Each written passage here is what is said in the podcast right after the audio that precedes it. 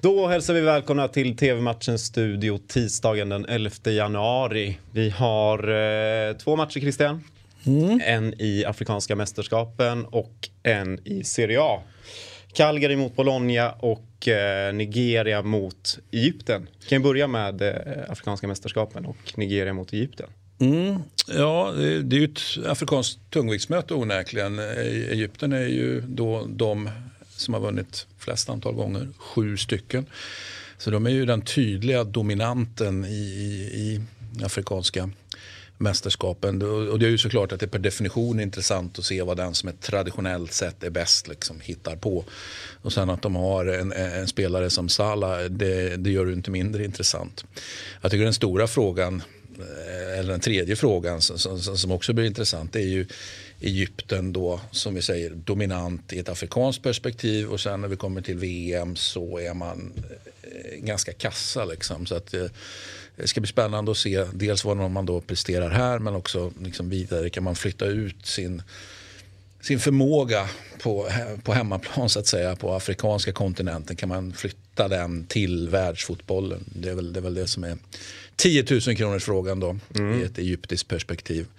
Eh, och Nigeria, ja, men vi har ju... Det är ju ett stormöte direkt, Nigeria-Egypten. Ja, vi har ju haft, det är många som har, om man, om man tänker så här utan att titta på statistiken, så, ah, men vilken nation har vunnit flest? Jag tror jag att många säkert skulle liksom dra Nigeria ur hatten liksom, och säga att ah, men Nigeria har nog vunnit mest. Men, men så är inte fallet då. Men vi har ju haft eh, väldigt mycket mer framgångsrika nigerianska fotbollsspelare i Europa då, för det är någonstans Europa som räknas mest, så är det ju, än vad vi har haft egyptiska fotbollsspelare. Det går ju såklart inte att jämföra utan där leder ju Nigeria eh, hur enkelt som helst den matchen i matchen. Mm. Ja, det är en viktig match eh, i grupp D. Mm. För det är ju de två stora favoriterna i gruppen som möter varandra direkt. Så mm. det är ju, det är ju gruppvinnaren här egentligen. Ja.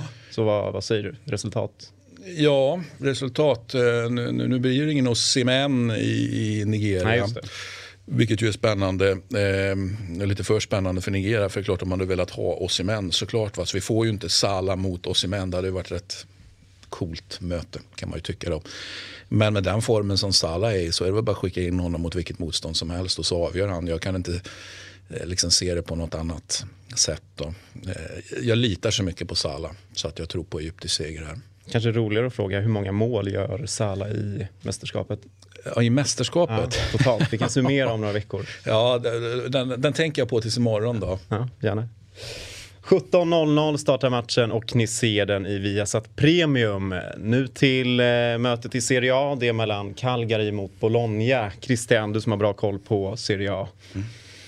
Ja, eh, ett lag som då kämpar för att, för att hänga kvar. Det vill säga Cagliari tar emot Bologna då som as we speak är, är låt oss säga mitt i tabellen. Mm. På en, eh, ja, vad ligger de, elfte plats? Ja, mitt tabellen. Mitt i tabellen helt enkelt. Då, va? Så får vi se om man kan förbättra det där. Jag menar Bologna har ju någonstans ja,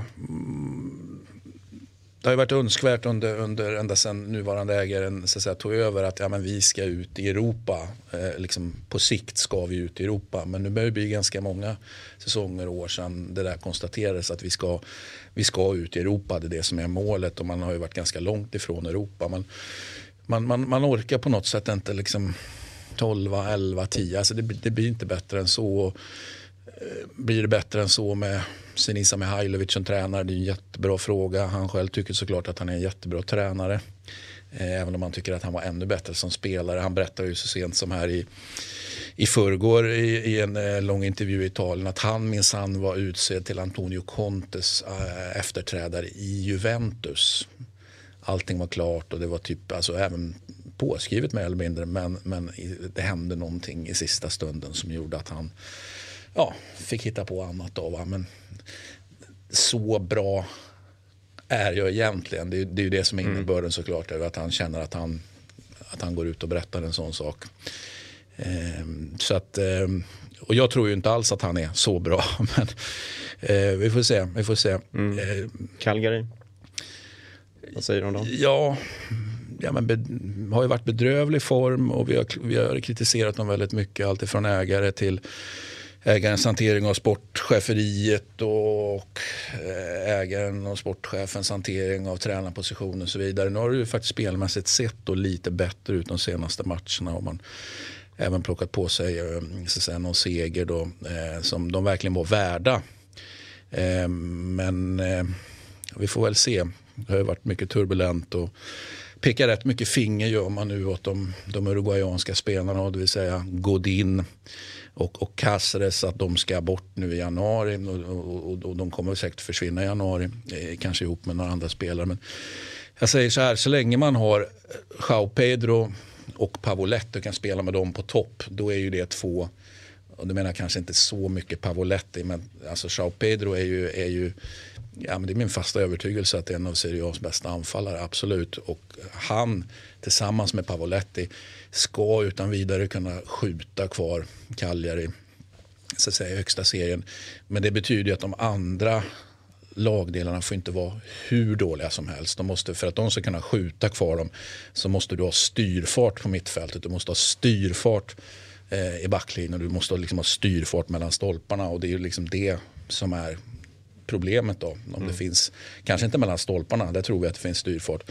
Men det har inte varit någon styrfart på framförallt mittfältet då, som har sett, som har sett bedrövligt ut och det har fått följdeffekter även i backlinjen. Då. Tror du han kan eh, störa Bologna idag? Det tror jag. Tillräckligt för en, för en hemmavinst? Eh, ja, det, det, skulle faktiskt inte förvåna mig om man, om man klarar av det. Eh, det, det, känns, alltså jag, jag, tror inte att Cagliari förlorar det här. Så att, eh, eh men det är väl roligt att säga eh, hemmaseger här då. Mm. För det är många som tror att tåget har gått för Cagliari och att det är kört. Och det, det ser illa ut, jag vet det absolut. Men, men eh, vi kör. 20.45 startar matchen och ni ser den på Simor Live 3. TV-matchens studio är tillbaka imorgon igen. Hej!